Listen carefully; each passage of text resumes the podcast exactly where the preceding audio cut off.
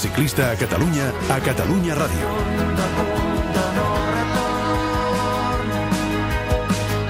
El ciclisme, com passa la vida, també viu de moments, de frases, d'imatges, seqüències que es capten amb un clic i que queden guardades per sempre més, ja sigui la memòria individual o a la col·lectiva. Avui ha guanyat Peter Sagan i al cap de pocs segons l'ha felicitat Alejandro Valverde. S'han abraçat i immortalitzar l'instant en què dos campions del món amb els rivets irisats a les mànigues del mallot s'abracen a la línia d'arribada també és una victòria de la volta.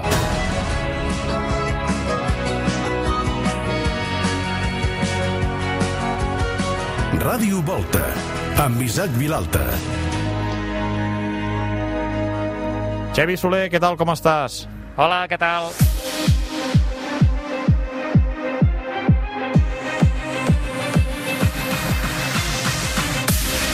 Avui ha passat una mica el més previsible i possiblement hem viscut l'etapa més tranquil·la d'aquesta volta. Sí, eh, jo crec que sota control des del quilòmetre 1 fins al 194, que era quan acabava.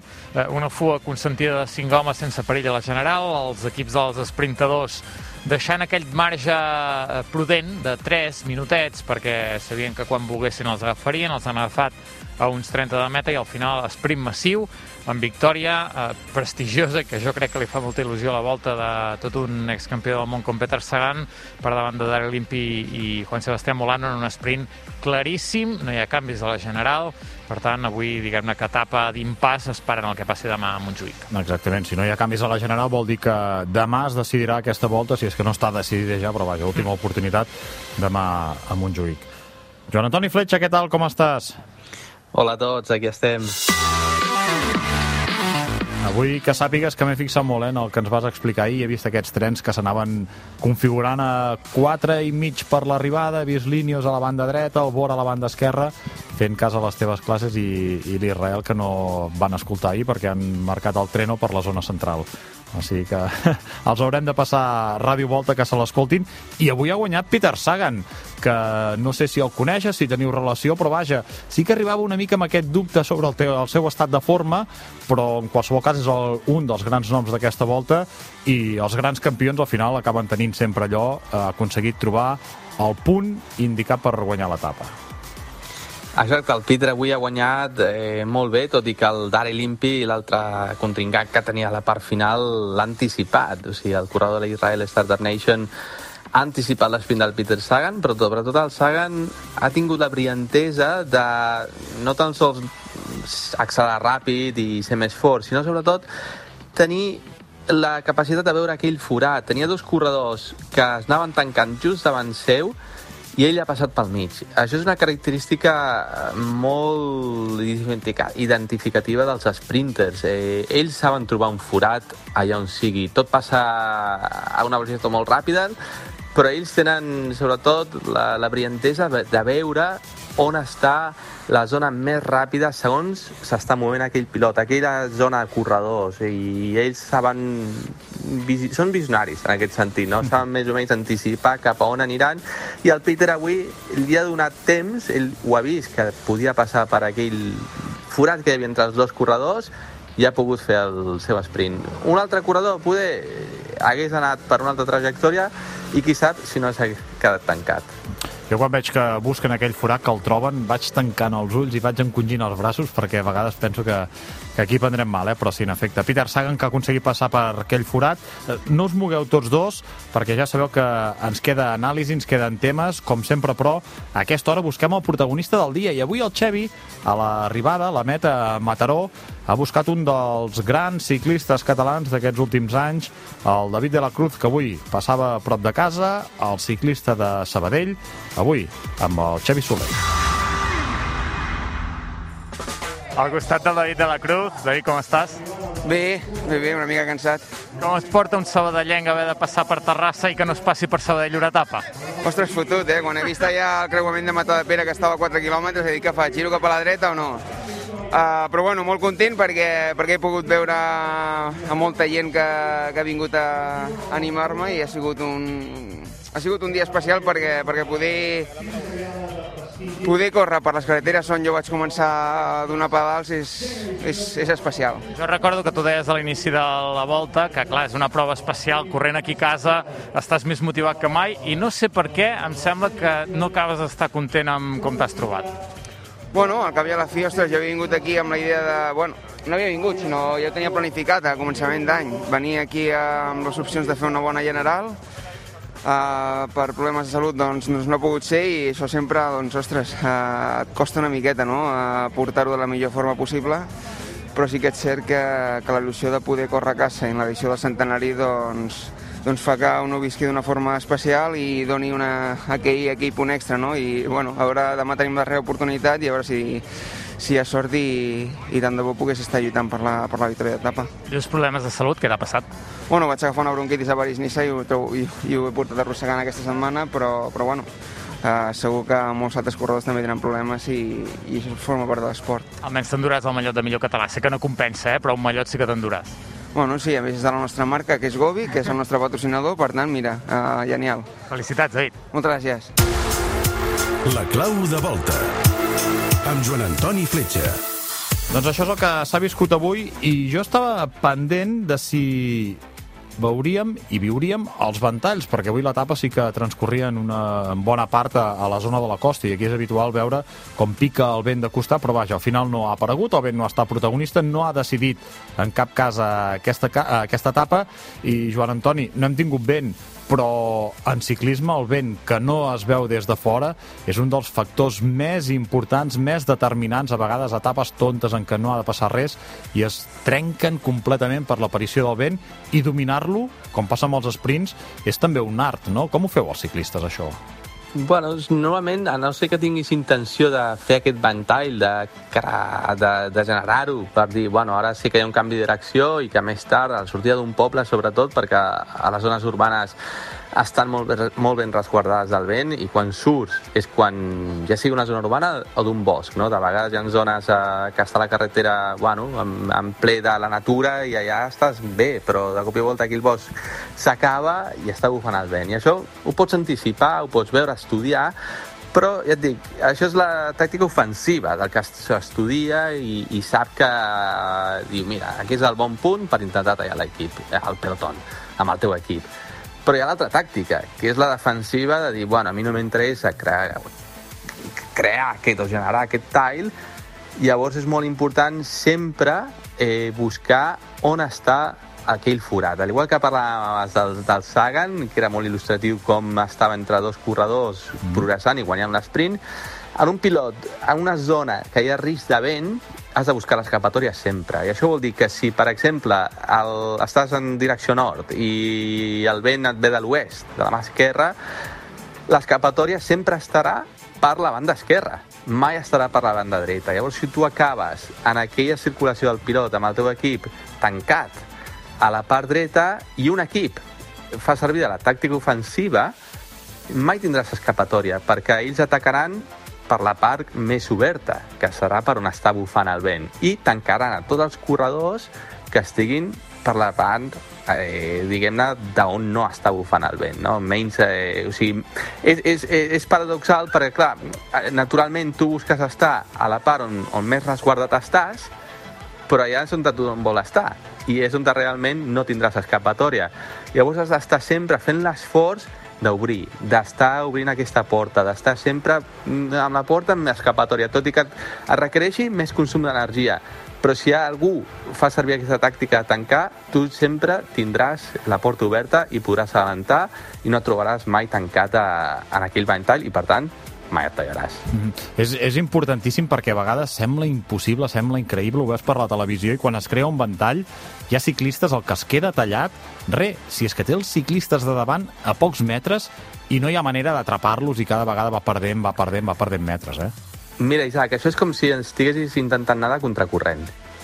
És, és la manera més fàcil d'entendre-ho. Sí. Dius, com pot ser que, que estiguin a dos metres i no sigui capaç d'enllaçar? Clar, perquè al final el vent és un corrent de, que hi ha, és una força major a la que tu no pots. És com si estiguessis nedant al mar i dius, però si vull entrar aquí a la platja i no sóc capaç, bueno, perquè hi ha una corrent molt forta que et tira cap a fora de l'aigua, no? o sigui, cap a dins del mar.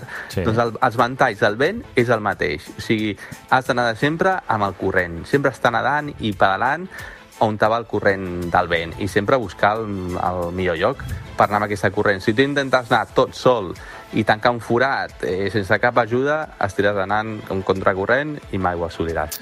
I una altra cosa que em fascina és que estem tots avisats que hi haurà vent i sempre hi acaba havent ventalls. A, a, això, eh, clar, fins i tot hi ha dies que es pot, es pot estudiar el dia anterior, no? mirant el llibre de ruta, les zones, el que deies, eh? les zones protegides i les, les desprotegides, on, on podrà atacar el vent.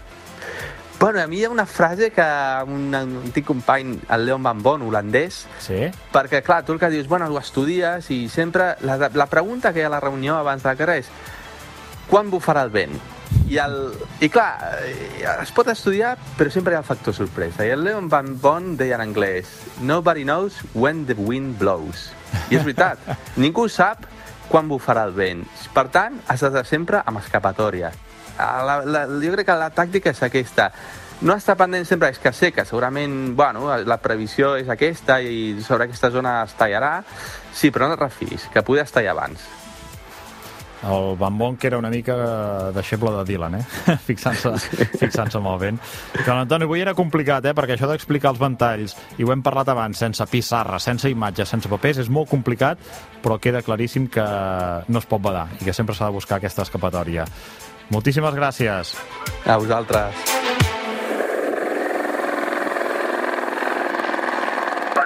Ja sabeu que vam començar aquesta Ràdio Volta amb entrevista al president de la Volta, amb l'home més emblemàtic, amb el Rubén Peris, però volem saber més coses en aquesta edició 100 del que és la prova catalana, del que és la seva organització, de què es cou allà dins. I per això saludem al secretari general de la Volta, el Víctor Mur. Ràdio Volta. Víctor, què tal, com estàs?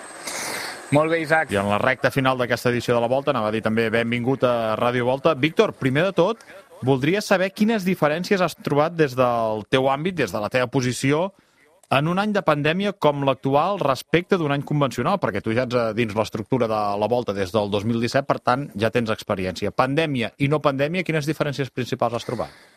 Doncs sí, ha sigut un any molt, molt estrany per tothom, molt diferent, i en el nostre camp de la comunicació aquí a la Volta Ciclista de Catalunya ho hem notat molt també.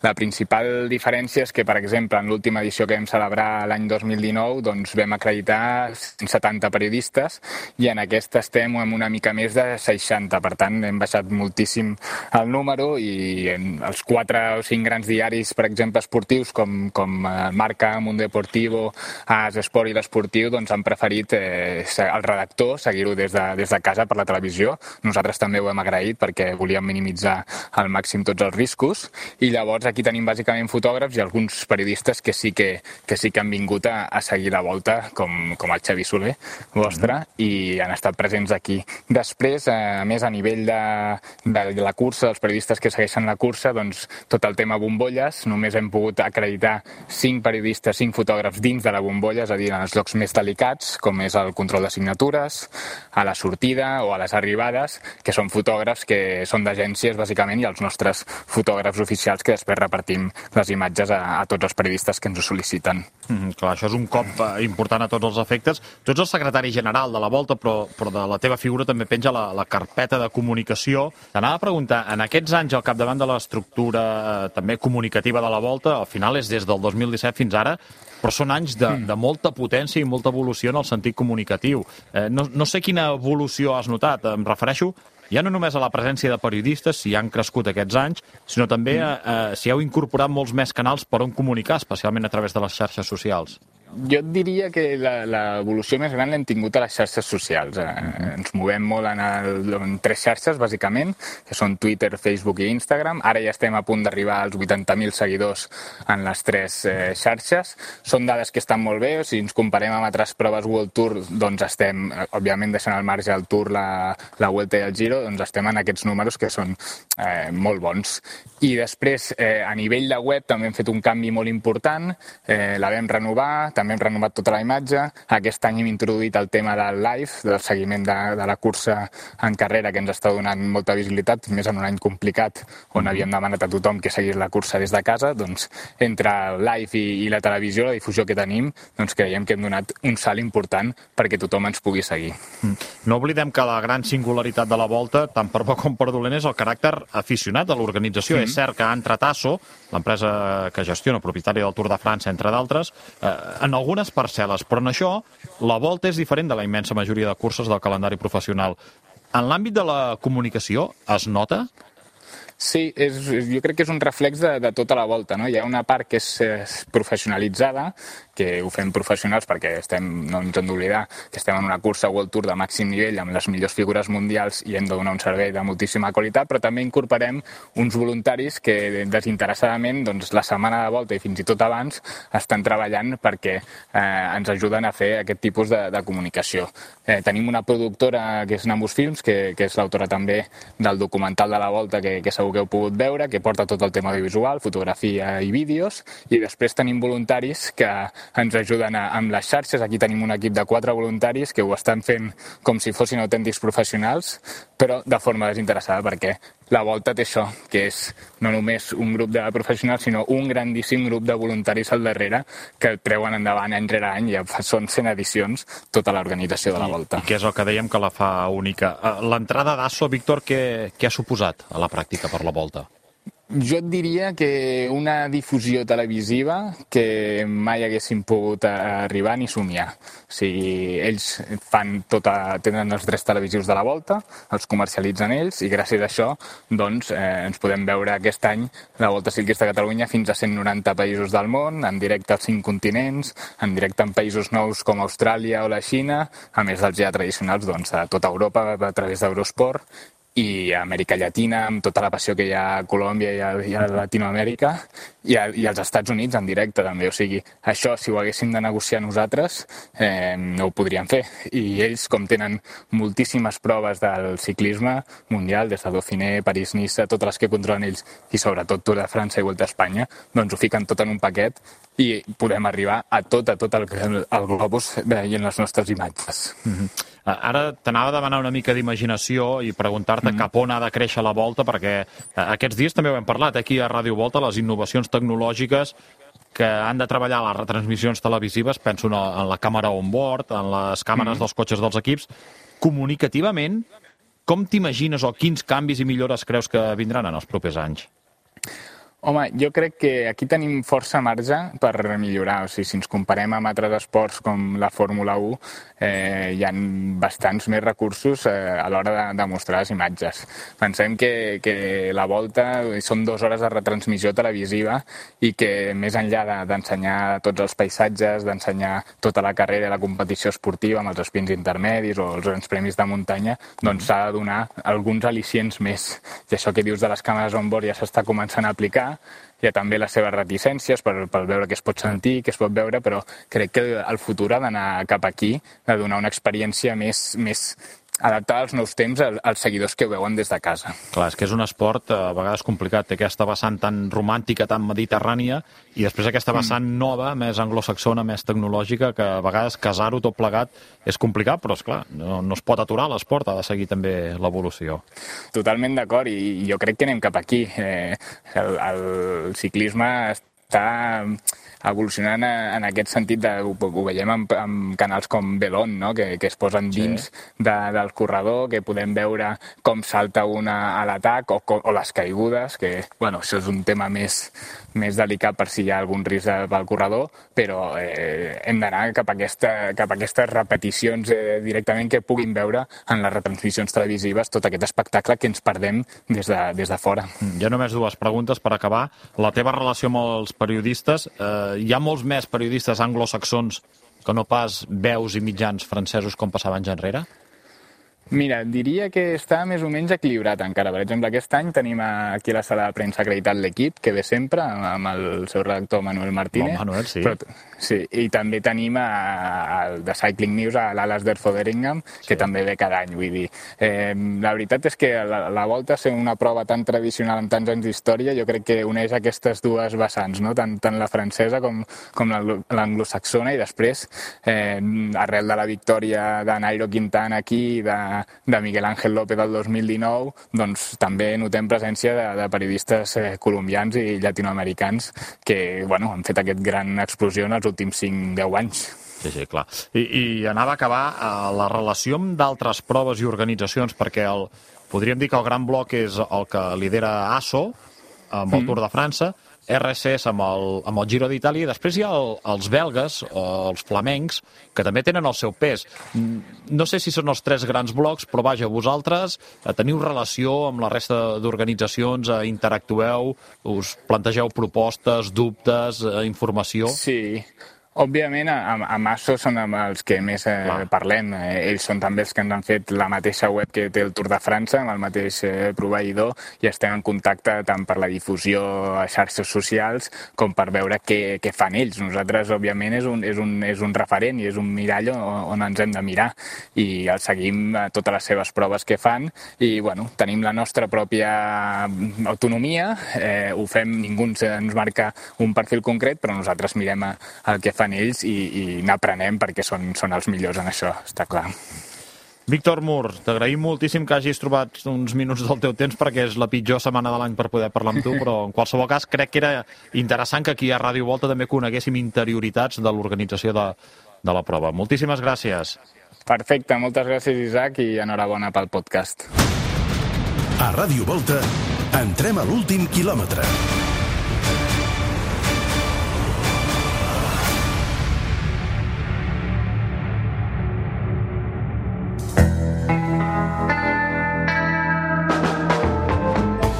Ernest Macià, ja tornes a ser aquí, sí, com senyor. estàs? Doncs mira, una mica cansat, però ja afrontant l'esprint final d'aquesta volta. Sí, demà última etapa Sí. i celebro que hi arribem sense haver pres mal, que amb això del ciclisme ja saps que sempre poden sorgir problemes, Sí, que sí. si punxes i caus, en fi.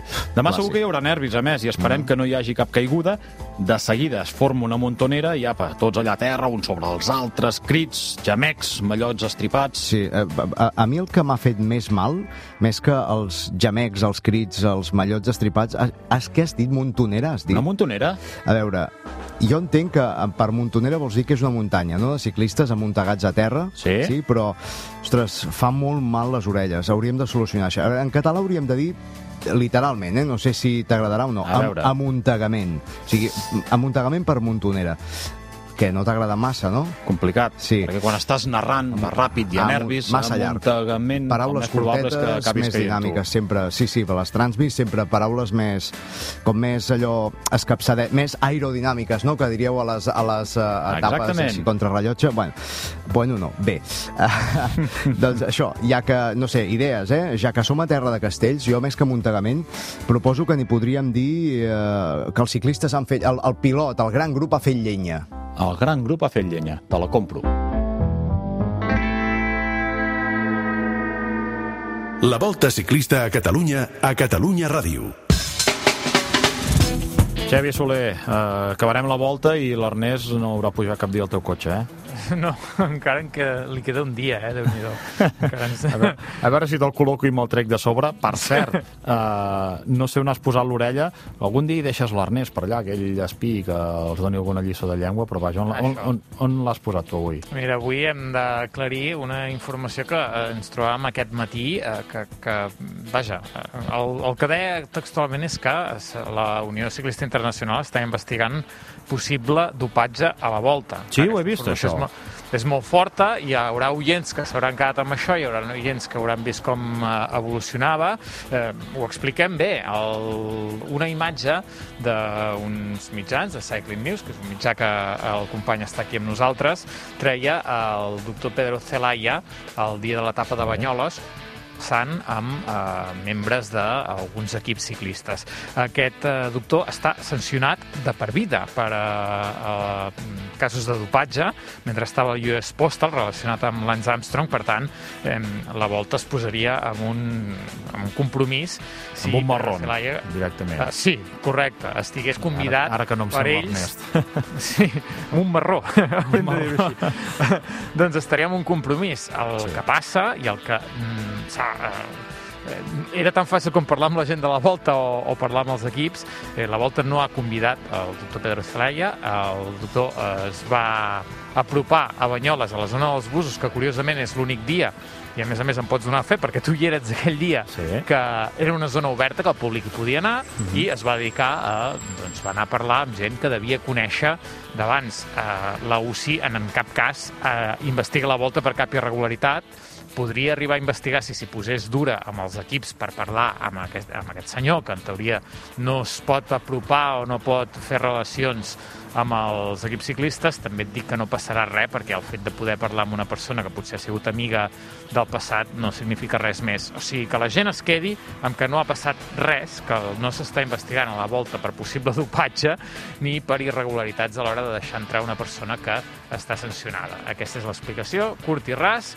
ho deixem així, eh, no ens donem més voltes perquè... Pedro Celaya hi era, eh, està sí? sancionat, està suspès, però la volta en cap cas li ha permès entrar a la zona restringida. A la, zona... no, no, la volta ni ho sabia. Mm, ha sigut la gran sorpresa de la volta saber que, que hi havia aquesta fotografia amb aquest senyor. Que d'altra banda apareix amb mascareta i per tant encara és més complicat. Correcte, és dificilíssim. Textualment, eh, si, hagués, si ho haguéssim vist, segurament no haguéssim ni sabut qui era i no li haguéssim dit res. Saps què et dic, Xavi? És que ara estàs eh, explicant tot això i, i he pensat que fins i tot en periodisme, fixa't què passa, eh? Que preguntant se, se soluciona tot tan ràpid, sí, sí. sí Escolta'm, demà última etapa d'aquesta volta. Sí, amb sortida i arribada a Barcelona, ja ho sabeu, etapa curta, etapa explosiva, etapa matinera també, pels que la vulgueu veure, que sapigueu que acabarà a les dues, i amb el ruix final d'aquestes sis pujades al Castell de Montjuïc, aquest any una miqueta, li afegim una miqueta més de duresa perquè es puja per la part dura de Montjuïc, que els últims anys s'havia fet just al contrari, uh mhm. -huh. i és uh, l'últim dia per saber si hi haurà canvis a la General es mantindrà tot com fins ara. Tu en dormiràs? Avui a Barcelona ben a prop de, tant de la sortida com de l'arribada. Eh, jo crec que probablement eh, veurem aquest triplet de línies. En qualsevol cas, el que és molt, molt, molt i altament improbable és que hi hagi un empat al capdavant de la classificació. Eh, si vols saber si mai hi ha hagut un empat al capdavant de la classificació de la volta, saps ah, què hem de fer? N'hi ha hagut? Entrar a la biblioteca ah. de l'Iturri. Vens amb mi? Som-hi. Vinga, el Jordi Bui ens explica què va passar en aquella volta tan igualada. Després de 1.249,7 quilòmetres, després de 7 etapes de tot tipus i després de competir durant més de 30 hores, dos corredors, Sean Kelly i Pere Muñoz, acaben la volta del 1984 exactament amb el mateix temps, 30 hores, 46 minuts i 44 segons. Un fet sense precedents. El reglament diu que s'ha de desempatar pel puntòmetre, és a dir, guanya el corredor que ha fet millors posicions a cadascuna de les etapes. L'irlandès, vencedor de 4 etapes, supera el seu rival per 77 a 26. Però si aquesta és la volta més ajustada de les 100 edicions, probablement també és la més polèmica. L'etapa clau és una cronoescalada de 18 quilòmetres amb final a Sant Pere de Rodes. Kelly supera Pere Muñoz de 19 segons, just la diferència que tenia el català a favor seu. El problema és que el temps el pren a mà un jutge amb un cronòmetre. Pere Muñoz no es mossega la llengua. Està clar que no tinc un nom per guanyar la volta. Dec ser una merda. Tampoc callen els integrants de l'equip Skill, l'equip de Kelly, que sorprenen pel temps que ha fet Pere Muñoz i pels nombrosos cotxes i motos que, sembla, li donen un cop de mà. Falta per disputar, però, encara un sector en final a Girona. Kelly punxen el descens de l'Alt dels Àngels. El TECA, l'equip de Pere Muñoz, prem l'accelerador amb l'ajuda d'altres equips espanyols i amb José Antonio González Linares, director de l'equip, dirigint la maniobra mig posseït.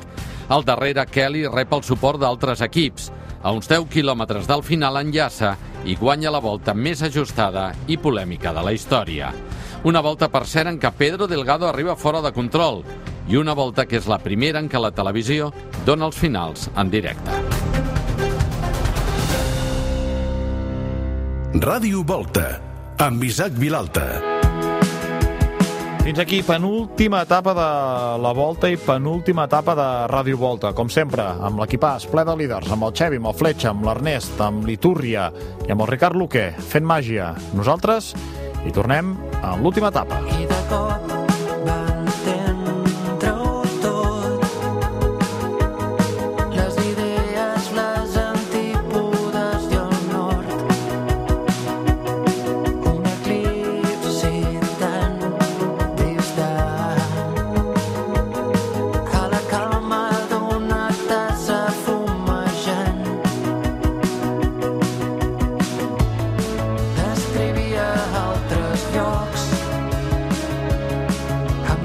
Descrivia altres